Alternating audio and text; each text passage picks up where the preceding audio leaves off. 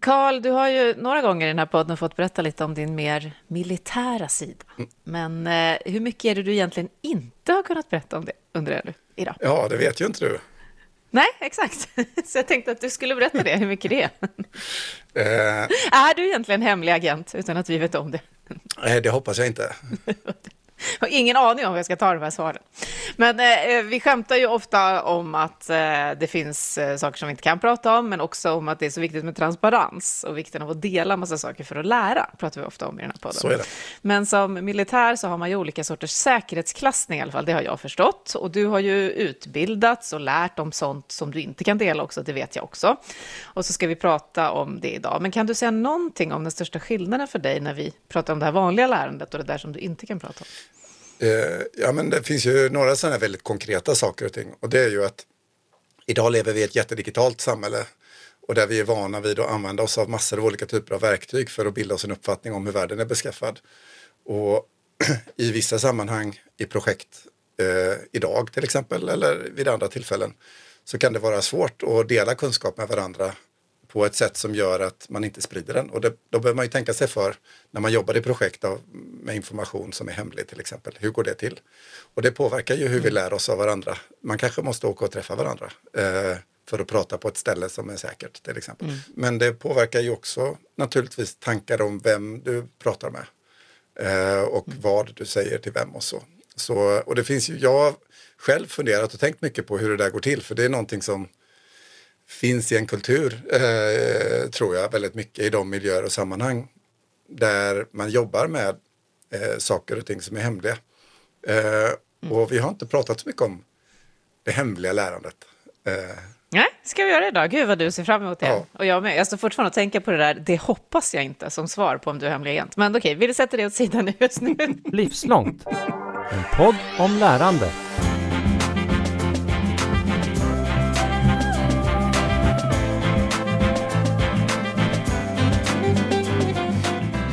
Jag heter Katarina Pietrak, du är Carl Heath och vi har då med oss förstås en väldigt spännande gäst för att prata om det här hemliga lärandet. Varmt välkommen Carolina Angelis. Tack så mycket.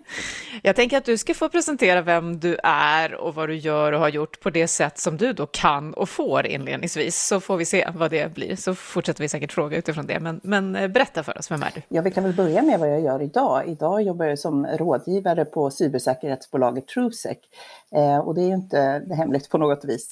Eh, och mitt fokus när det kommer till cybersäkerhet eller informationssäkerhet är ju då inte framförallt de tekniska hoten eller tekniska säkerhetslösningarna som man kanske kan tro om att jobba på en sån arbetsplats, utan mitt fokus är människan och den mänskliga faktorn. Men jag har ju en bakgrund i, inom underrättelsetjänsten. Jag började på FRA, Försvarets radioanstalt, på 90-talet. Det är alltså 30 år sedan drygt jag började där. Eh, jobbade där under hela 90-talet och lite till och sen så började jag på MUST, militära underrättelse och säkerhetstjänsten. Så jag vet att man inte, det här med hemliga agenter är ju ett skämt, men vad tog dig till de här stationerna på ditt, eh, din arbets och livslångt lärande-resa? Hur blev det så att du gick in i den här lite mer hemliga eh, tjänsten då, eller världen? Ja, eh, egentligen så var det där berömda bananskalet, det var verkligen inte planerat. Jag är inte en person som har gjort eh, lumpen eller militärtjänst. Eh, jag hade inte tänkt mig den här vägen, men jag är väldigt språkintresserad. Jag hade läst ryska på gymnasiet som C-språk eh, och jag fortsatte med det på Stockholms universitet. Eh, och sen öppnade sig den möjligheten att, att börja jobba då på Loven på, på FRA. Eh, och, eh, så det var väl egentligen väldigt mycket man skulle önska kanske att det var en, en väl Alltså att det var ett medvetet val, det var inte det. Men det blev ett väldigt bra val eh, och jag har aldrig ångrat den vägen. Du vet, det är så många gäster i vår podd här nu, när vi har gjort över hundra avsnitt, som eh, pratar om, kanske inte banalskalet, men om att det blev som det blev. Och det verkar som att det blir väldigt fint när mm. vi får följa det också. Men jag måste ju då fråga, eh, eftersom du då pratar om FRA och MUST, eh, fast jag vet till delar av vad du kommer svara, tror jag. Men vad gör man en vanlig dag på jobbet i underrättelsetjänsten? Alltså underrättelse och säkerhetstjänst, om man tänker sig hela den stora branschen som ju involverar flera olika underrättelsemyndigheter. Det finns ju så otroligt många olika tjänster och roller inom den branschen och exakt vad jag gjorde under alla de här åren, det, det kommer jag inte att gå in på. Eh, men jag började ju med liksom, eh, språkkunskapen. Det var det enda jag hade med i bagaget. Jag hade inga andra specifika utbildningar eller kunskaper. Sen är det klart att någonstans så är det ju tester och prov för att man ska klara av det, den typen av arbete och passa i den rollen man är tänkt till. Eh, men eh, ja, det, det utvecklades ju och ser man att jag jobbar nästan 20 år i, i den branschen så har jag jobbat inom väldigt olika roller.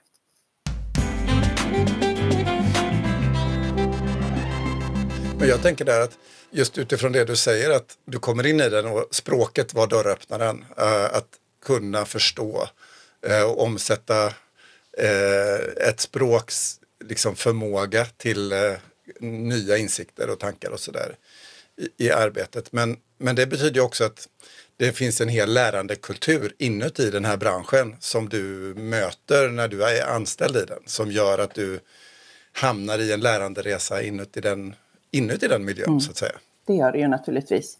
Det är ju eh, det är klart att man kan gå utbildningar och kurser inför eh, att arbeta inom underrättelsetjänsten. Det finns utbildningar, kurser inom underrättelseanalys och för att förstå metoder och processer. Jag hade ju ingenting sånt med mig utan det är ju någonting som man lär sig på plats. Och, och om man bara tar de tio åren eh, på FRA till att börja med, eh, som skiljer sig väldigt mycket från de nästan tio åren på, på MUST, inte riktigt då, men eh, så har det ju varit olika yrken och, och olika kunskaper som krävs. Eh, och de har man ju inte haft med sig från början, utan man har förhoppningsvis varit lämpad för att lära sig dem och ta till sig den eh, utbildningen då på plats i organisationerna. Ja, när jag står och lyssnar på er, och det tror jag många som lyssnar nu, då får ju, man får ju bilder i huvudet. Redan när du sa, Karl, att ibland måste man träffas i något fysiskt möte. Filmer man har sett, böcker man har läst. Du har ju skrivit också böcker, Carolina, vi kommer tillbaka mm. till det om en stund. så. Eh, men eh, det här lärandet som, ni, som Karl var inne på i början, det här med att det skiljer sig, att det är en egen kultur och att, att du aldrig får försäga dig, bara det. Så, hur, hur, har det, hur skulle du beskriva det? Hur har det lärandet varit för dig? Det blir ju verkligen en vardag. Man kanske inte tror det eh, om man står utanför, men det här är ju ens vardag. Är det där man jobbar under 10 år, 20 år, så är ju det en självklarhet. Och det är ju inte så att man sitter helt ensam i det, nu har jag lärt mig de här sakerna, utan du har ju kollegor och chefer och, och, och som gör samma resa, eller som har gjort samma resa flera år eller decennier tidigare. Så att det, det blir ju verkligen en, en vardag i det också, även om den såklart skiljer sig från många andra yrken. Var, var, du mer rädd i början över just det här att man får inte prata med någon och man får inte försäga sig och sådana typer av saker? Nej, men jag kommer ihåg, alltså jag var 21 år när jag började på, på FRA, så det var ju, eh, jag var väldigt ung. Jag minns de här, de här första veckorna när man, när man väl var på insidan och betrodd och började få man får ju inte, inte så att man öppnar allt, all information och så får man ta del av det såklart. Men, men det som man började få förstå, som så här jobbar vi, det här kan vi, det här vet vi så hade jag den där känslan nästan att men det här kan ni ju inte berätta för mig, det här är ju jättehemligt. Och då var det ju säkert inte särskilt hemligt i början heller, för att man, man eh, vill ta det gradvis för att se om en person klarar provanställningen till att börja med. Eh, men eh, det var ju en helt ny värld och det kändes ju märkligt, men, men det blir ju åtminstone till en början också kanske lite högtidligt, att man är ju stolt över att man är betrodd och att man faktiskt det är många yrken som är viktiga, så missförstå mig inte, men att man jobbar med någonting som verkligen är viktigt på mm. riktigt för Sverige, för nationens säkerhet om man vill eh, låta mer högtravande.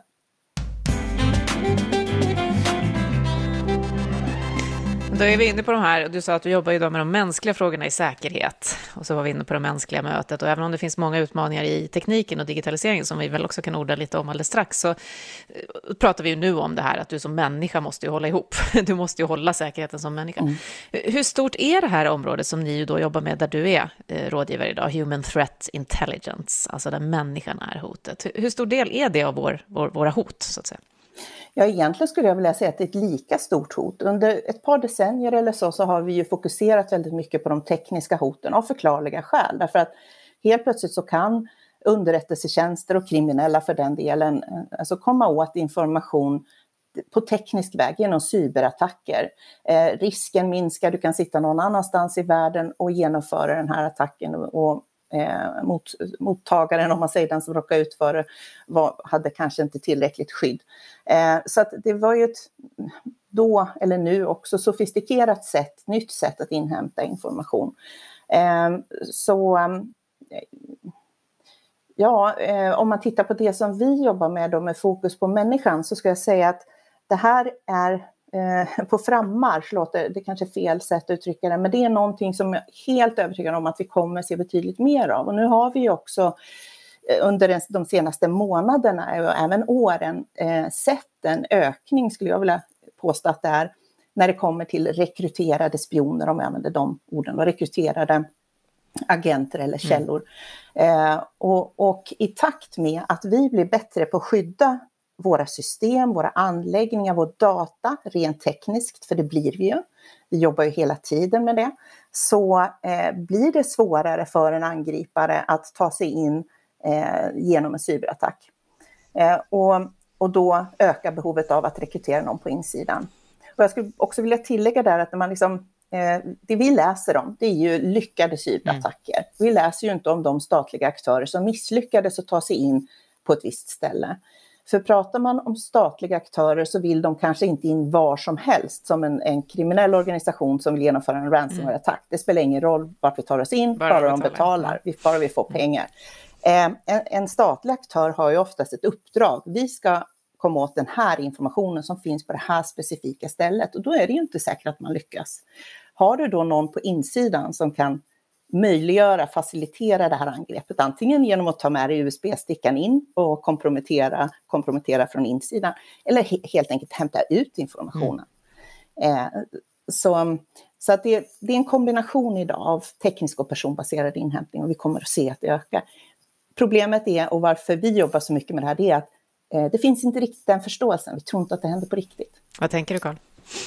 Jag, jag tänker att det finns en massa komplexiteter som uppstår i detta landskap som du beskriver, just när det kommer till kunskap och lärande och så. För de här aktörerna vill ju inhämta kunskap som är dold eller hemlig eller någonstans. Eh, ibland så vill ju de här aktörerna också inhämta information som är öppet tillgänglig men där man samlar ihop många olika delar och att de här olika delarna kanske inte är skyddsvärda i sig självt men när man stoppar ihop dem så skapas ett skyddsvärde och så någonting eh, uppstår en ny sårbarhet någonstans. Och vi vill ju att samhället ska vara liksom ett öppet kunskapssamhälle. Det är ju det som samhället idag kanske blir mest rikt på. Att vi kan dela kunskap och skapa ny kunskap och innovationer och tankar ska spridas och så vidare. Samtidigt som det här då också blir det som är skyddsvärt. Och det uppstår ju någon form av spänning i det här fältet då där vi vill liksom skydda oss mot den typen av aktörer som du beskriver och att liksom skydda vårt kunskapssamhälle samtidigt som vi också på samma gång måste låta det få vara öppet så att den här kunskapen kan delas och mötas och så vidare. Hur, hur tänker du om den? går det? Här, kan går, går det att få ihop det här? Liksom? Det är en jättesvår, det är en bra fråga och en jättesvår balansgång därför att eh, jag tror att vi har varit väldigt naiva under många år, eller det, det, vet vi att vi har varit i och med att vi har monterat ner saker som vi idag ser att vi borde haft på plats och, och även förståelsen för att det finns eh, hotaktörer som inte vill oss väl. Eh, jag tror till exempel att, eller det vi har sett är till exempel att det har funnits väldigt mycket öppen information om vår samhällskritiska, vår samhällsviktiga verksamhet. Eh, och ehm, i tider av fred eh, så, så, så, gör det ju ingenting att all den här informationen ligger öppet på myndigheters hemsidor. Nu när man börjar se att, att eh, Ryssland till exempel, vi vet att man kartlägger samhällskritisk infrastruktur, försöker identifiera sårbarheter för, vad ska man säga, for a rainy day, för att kunna mm. utnyttja de här. Då vill vi ju inte längre att det ska vara så öppet och det tror jag att alla förstår. Vi kan inte dela allt och vi bör inte dela allt. Pratar man inom liksom, forskarvärlden och den typen av liksom, inom forskning och utveckling. Jag har ju till exempel jobbat på Saab inom försvarsindustrin som är liksom ett högteknologiskt bolag med ständig utveckling så måste man ju hitta en balans med, ehm, och det kan vara inom bioteknik eller något annat område också, med vad man delar. Mm. Och, och, jag tror att där finns det också en kultur eh, inom forskarvärlden att man ska dela. Det är så som ni säger, som det blir rikare, som världen blir bättre, mm. eh, samhällena blir bättre. Men det finns ju igen då hotaktörer, nationer som drar nytta av vår öppenhet och vår vilja, välvilja.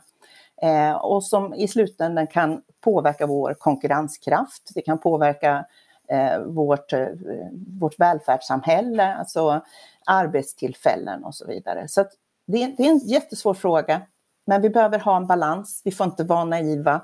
Vissa saker måste skyddas och eh, det finns ju idag uttalat att eh, man eh, vissa nationer liksom riktar in sig på högskolor och universitet för att komma åt den forskning som bedrivs. Vi har ett exempel från Norge nu till exempel med en, en misstänkt rysk illegalist eh, som, eh, forskade där. Det är obehagligt att det är så här och alla som, jag, som du säger tror jag är medvetna om att det är det. Och då pratar ju vi nu om kunskap som ska delas ut utanför en organisation. Vi, vi bjuder varandra, vi delar kunskap mellan olika organisationer och så. Och så var vi inne på det där med den mänskliga faktorn, kanske en rekrytering på insidan som du beskrev det Carolina. Alltså det här organisatoriska lärandet som vi ju ofta pratar om här och jag jobbar mycket med i vardagen, där vi ju också pratar om att vi måste dela allt och berätta för varandra så att vi liksom kan gå framåt som en sån här lärande organisation. Hur ser det ut då på insidan som du beskrev det i, i en underrättelseverksamhet?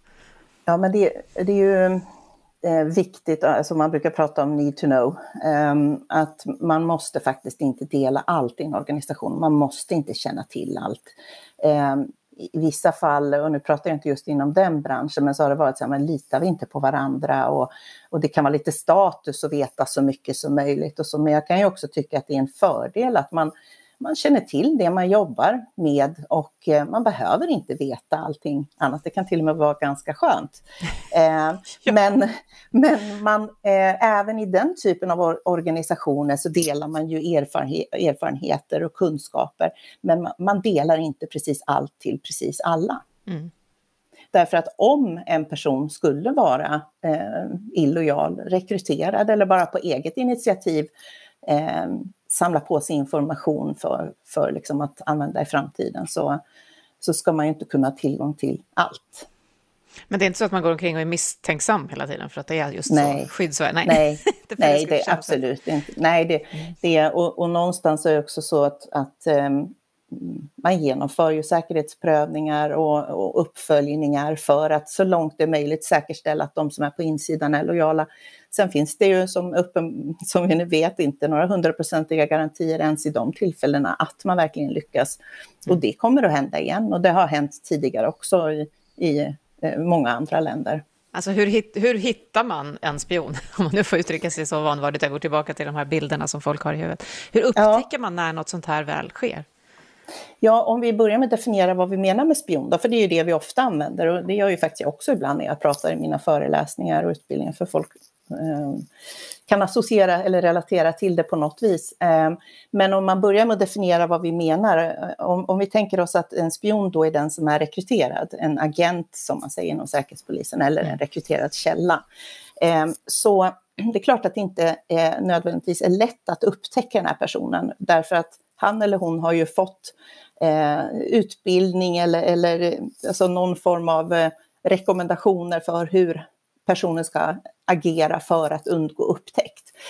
Men det man kan säga när, eh, när det har avslöjats, det behöver inte vara en rekryterad spion, men någon som är illojal på insidan, i efterhand så är det inte helt ovanligt att man hör, ja men det var ju någonting. Ja. Alltså när folk liksom har facit i hand, alltså det kan vara eh, klassiska varningstecken som att personen har arbetat Eh, börjat arbeta på arbetstider som inte så många andra befinner sig på jobbet. Därför att ska man liksom kopiera, fotografera, spara ner, göra saker som man inte får, så eh, om man inte är fullkomlig psykopat så bör ju det vara ganska skapa hög nerv nervositet ja. hos individen och då vill man ju undgå upptäckt och då gör man det när det är så få som möjligt på plats. Det är en sån sak som man kanske i efterhand hade kunnat säga, varför befann sig personen på, på jobbet mitt i natten mm. om det inte är ens schemalagda tid. Eh, det finns andra saker som att eh, man eh, undgår, man försöker kringgå säkerhetsrutiner och regler. Eller att man, vad ska man säga, muttrar, är missnöjd på jobbet, de förstår inte hur bra jag är, jag borde ju ha fått den där chefstjänsten.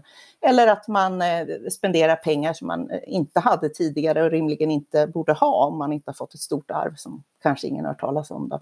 Alltså, så det jag menar är att liksom, det finns saker som man oftast inte har velat ta i. Mm. Därför man vill inte lägga sig i.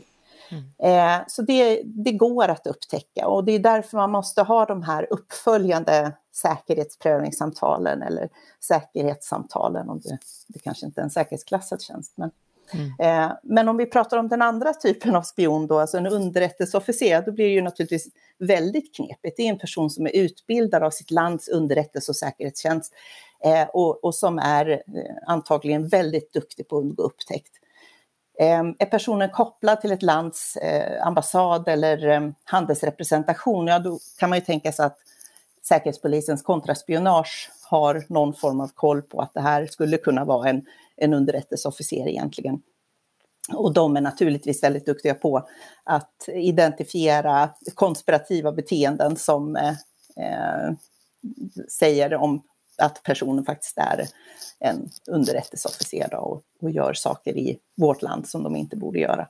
Så det, men om man inte har den här bakgrunden, om man inte själv har jobbat i underrättelsetjänsten, att sitta i ett rekryteringssamtal eller en säkerhetsprövningsintervju och försöka identifiera eh, den ena eller den andra typen då, det är ju jättesvårt. Mm. Ja, det måste det ju verkligen vara.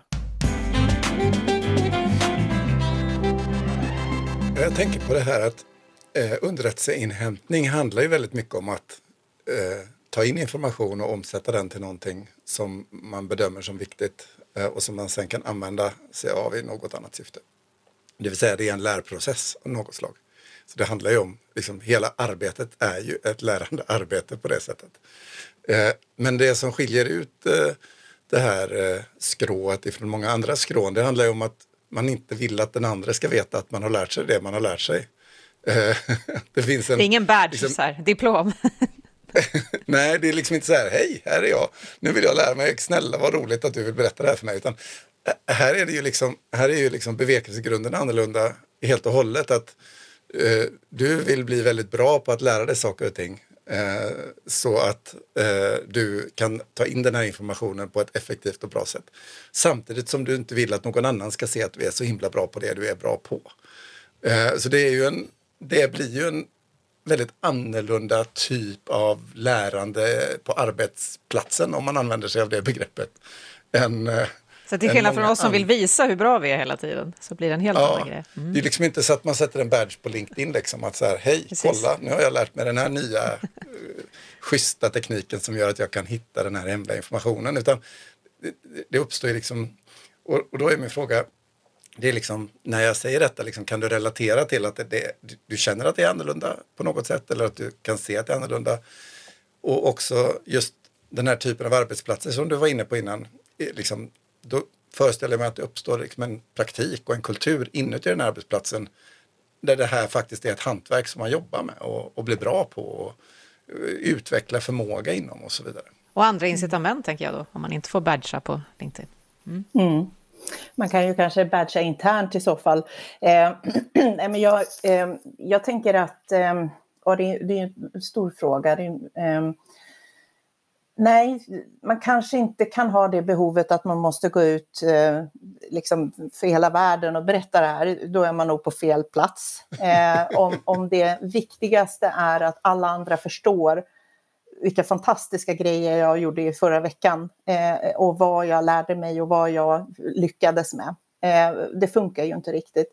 Eh, men så det handlar väl liksom lite grann om en viss personlighet kanske som man letar efter hos de som ska jobba med just så hemliga uppdrag eller känsliga mm. Eh, jobb. Men sen så, som jag tror jag var inne på tidigare också, att du är ju inte ensam. Du har ju en organisation runt omkring dig som det är precis likadant för dem. Och, och, man kan ju eh, liksom dunka en kollega i ryggen och det betyder lika mycket som att få en badge på LinkedIn eller antagligen mycket mer. Mm.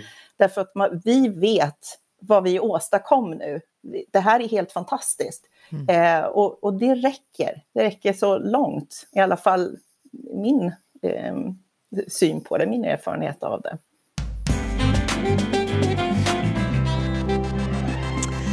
Eh, vi var ju lite inne på, tänkte bara vi skulle eh, hinna nudda vid det också, det här med liksom, den digitala världens påverkan. Du inledde ju med det, Karl, och sen har vi pratat mycket människor eh, och att det är också ett, ett, att vi människor är ett stort hot. Men det, den digitala utvecklingen som vi lever i sedan länge och som bara accelererar hela tiden, hur har den påverkat vad underrättelsetjänsten behöver både göra, hur man arbetar men också lära. Det måste ju vara en väldigt snabb lärtakt även där som för oss andra i samhället. Eller hur, hur har du sett det här, Caroline?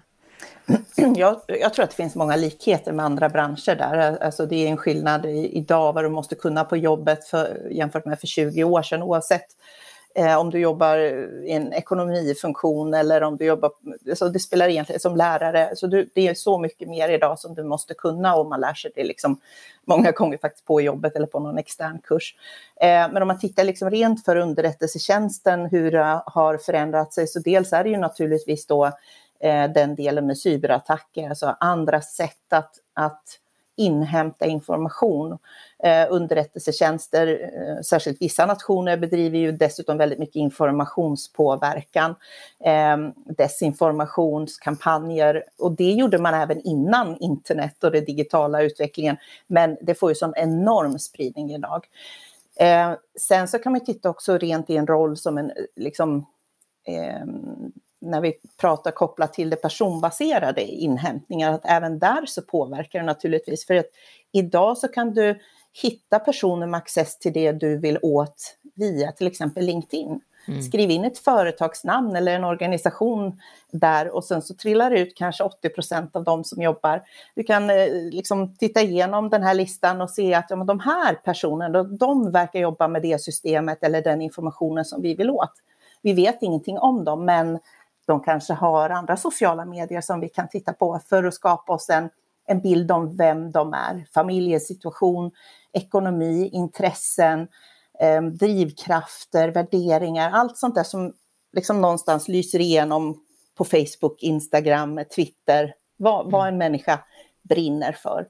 Viktig information när man ska ta en första kontakt och för hur man ska lägga upp den här, det här rekryteringsförsöket. Då. Och även en första kontakt kan ju idag ske via eh, liksom, till exempel LinkedIn. Eh, man kan sätta upp falska profiler och det vet vi också att det sker. Eh, där man påstår sig vara headhunter eller representera en tankesmedja för att få till det här första mötet och andra, tredje kanske till och med. Man kanske till och med skapar den här tankesmedjan på riktigt för att ha liksom en legitimt skäl till att bjuda in någon. Så att det har helt klart påverkat den digitala utvecklingen. Eh, man gjorde alla de här sakerna tidigare också, identifierade personer, kartlade dem, tog en första kontakt. Men eh, då behövde du ju befinna dig närmre eh, individen redan från början. Här kan väldigt mycket av de första stegen i rekryteringsprocessen genomföras på distans. Det är så obehagligt när du beskriver hur man känner det, du bara sitter så nära i, en, i vardagen som du inte helst vill tänka på i den. Mm. Men då tänker jag också på, apropå det vi var inne på för att organisatoriskt, att när det går så här fort så pratar vi ofta i en, i en digitaliserad värld, i en snabbrörlig utveckling där du jobbar kanske, att man måste så kallat fail forward, att vi måste lära av att göra fel, att vi måste liksom testa oss fram då tänker jag mig liksom att i den här verksamheterna som du har beskrivit, får man göra det? Får man, får man fail forward? Får man göra fel? Eller är det så att här, här har vi inte råd med det, vi måste ta oss fram och lära på andra sätt? Det är klart att man gör fel, eh, precis som i alla andra branscher och, man lär av sina misstag, man lär förhoppningsvis även av andras misstag. Eh, men det finns ju också misstag som absolut inte får begås i en sån här bransch. Det gör det ju mm. även om du är hjärtkirurg till ja. exempel. Det finns misstag som är synnerligen obra. Och om man i den här branschen eh, eh, begår allvarliga misstag som får konsekvenser för hela organisationen eh, eller för nationen eller att det blir så allvarligt så att en, en person eh, faktiskt dör. Eh, det är ju misstag som misslyckanden som man liksom inte har råd med skulle jag säga. Eh, och det är därför som man arbetar så otroligt mycket med, med säkerhet och eh, analys för att det ska bli rätt. Men naturligtvis internationellt, det finns ju exempel på där det har gått riktigt illa. Vi har ju pratat tidigare här om gröna och röda fel i, i podden, vad som, vad som kan vara, eh, och det kommer faktiskt från vården just, eh, så det kanske kan vara någonting att, att tänka kring då. Vad kan man göra för fel och inte? Eh, Carolina, jag nämnde ju förut, du har också skrivit ett par böcker som väl då kanske faller under kategorin spionthrillers. Eh, om underrättelseofficeren Jackie Philipsson och som någon skrev såg jag om böckerna Återkommande oförklarliga strömavbrott, datahaverier och andra liknande problem som drabbar Sverige och särskilt Gotland. Sällan har jag läst en roman som känns så aktuell. Är det i dina böcker som man då avkodat kan läsa om ditt hemliga larm? Är det här det syns eller hur mycket har du kunnat hämta ur din erfarenhet? Mina böcker är ju fiction, jag ska börja med att säga det. Men jag hade inte kunnat skriva dem om jag inte hade jobbat de här 20 åren inom olika delar av underrättelsetjänsten. Eller man kan väl säga så att de här böckerna ligger nära sanningen, mycket nära hur det ser ut. Och ibland är det så att um, en bok, nu har jag skrivit tre, två har eh, publicerats, den tredje kommer förhoppningsvis till hösten. Eh, och um, ibland är det så att man hinner inte få ut boken innan det faktiskt har hänt sånt som man egentligen hade eh, hittat på, om man säger. Mm. Och det är väl liksom att böckerna är aktuella som någon, någon hade skrivit där. Eh, och, och det du eh, beskrev där, det är ju från den andra boken, så, Dominoeffekten. Eh, och mycket av det som, som eh, den kom ut strax efter att kriget inleddes i Ukraina i, för snart ett år sedan. Eh, och mycket av det är ju det vi ser idag. Så det, det mm. ja. Jag funderar på många gånger, läste också en bok som skrevs 2017 som precis beskrev pandemin och utvecklingen där, som också var en fiction, eh, thriller-artad bok. Karl, jag vet du läser ju inte så mycket fiction, men blir du sugen? ja, men den här typen av fiction kan man ge sig på, eh, såklart. Det mm. ligger nära till hands. Eh, det som jag blev nyfiken på när du beskriver Eh, Eh, det är just den här övergången i ditt eget liksom, lärande och skapande från att vara en kunskapsinsamlande eh, person i dina tidigare yrken i olika kapacitet till att sen omsätta detta till ett liksom, nytt och annat kreativt utlopp. Eh, vad fick dig att liksom, känna den lusten att skapa på det sättet? Liksom ge dig ut på den. För det är ju en ny läranderesa som är ganska annorlunda än, än den läranderesa som föregrep det. Mm, jag har inte riktigt tänkt så. Det är ju precis eh, vad ska man säga, raka motsatsen egentligen. Eh, men jag, igen, jag har alltid velat skriva och berätta. Jag har alltid tyckt om eh, det.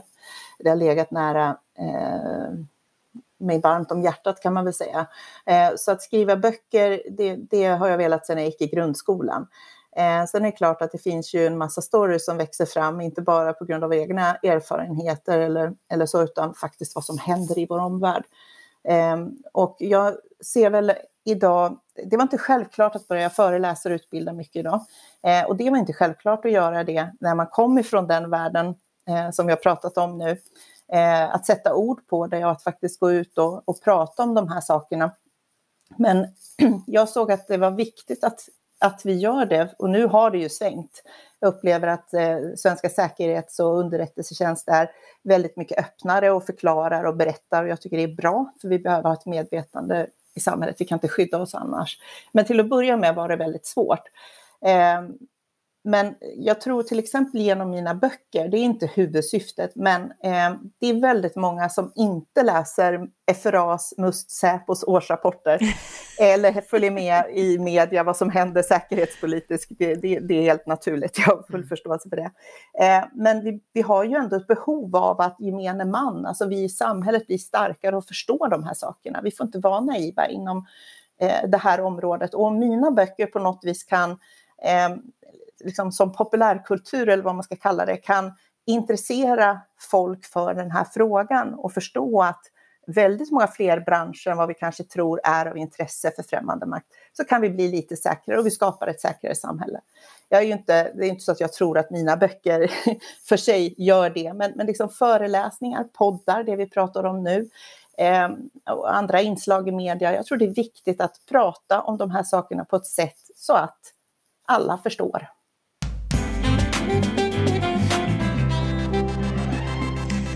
Jag, jag som har intervjuat väldigt länge i mitt liv minns faktiskt det där skiftet med just Säpo, eh, när man plötsligt kunde prata om vissa saker mm. som, som innan var helt stängt. Och då måste jag verkligen säga att eh, även om inte du har kunnat berätta allt här idag, Carolina, så har i alla fall jag fått med mig enormt mycket mer eh, förståelse, trots att det finns mycket mellan raderna som jag då inte kan förstå. Så det har varit jättespännande och viktigt, som du säger, tror jag, att eh, förstå det här, det här hemliga lärandet lite mer. Eh, så vi är hemskt glada för att du kom hit och berättade för oss om det. Vill du lägga till något sista, Carl? Nej, jag kan bara instämma. Det är ju svårt att prata om det som inte går att prata om. eh, men, eh, men just med perspektivet av att fundera över vad det betyder för oss, både som samhälle och individer. Eh, och vilken kunskap vi behöver och hur vi förhåller oss till kunskap i en tid som är mera orolig. Så så har det här varit ett jättetrevligt samtal. Jag är jätteglad för att du ville titta in i våran podd. Tack så mycket.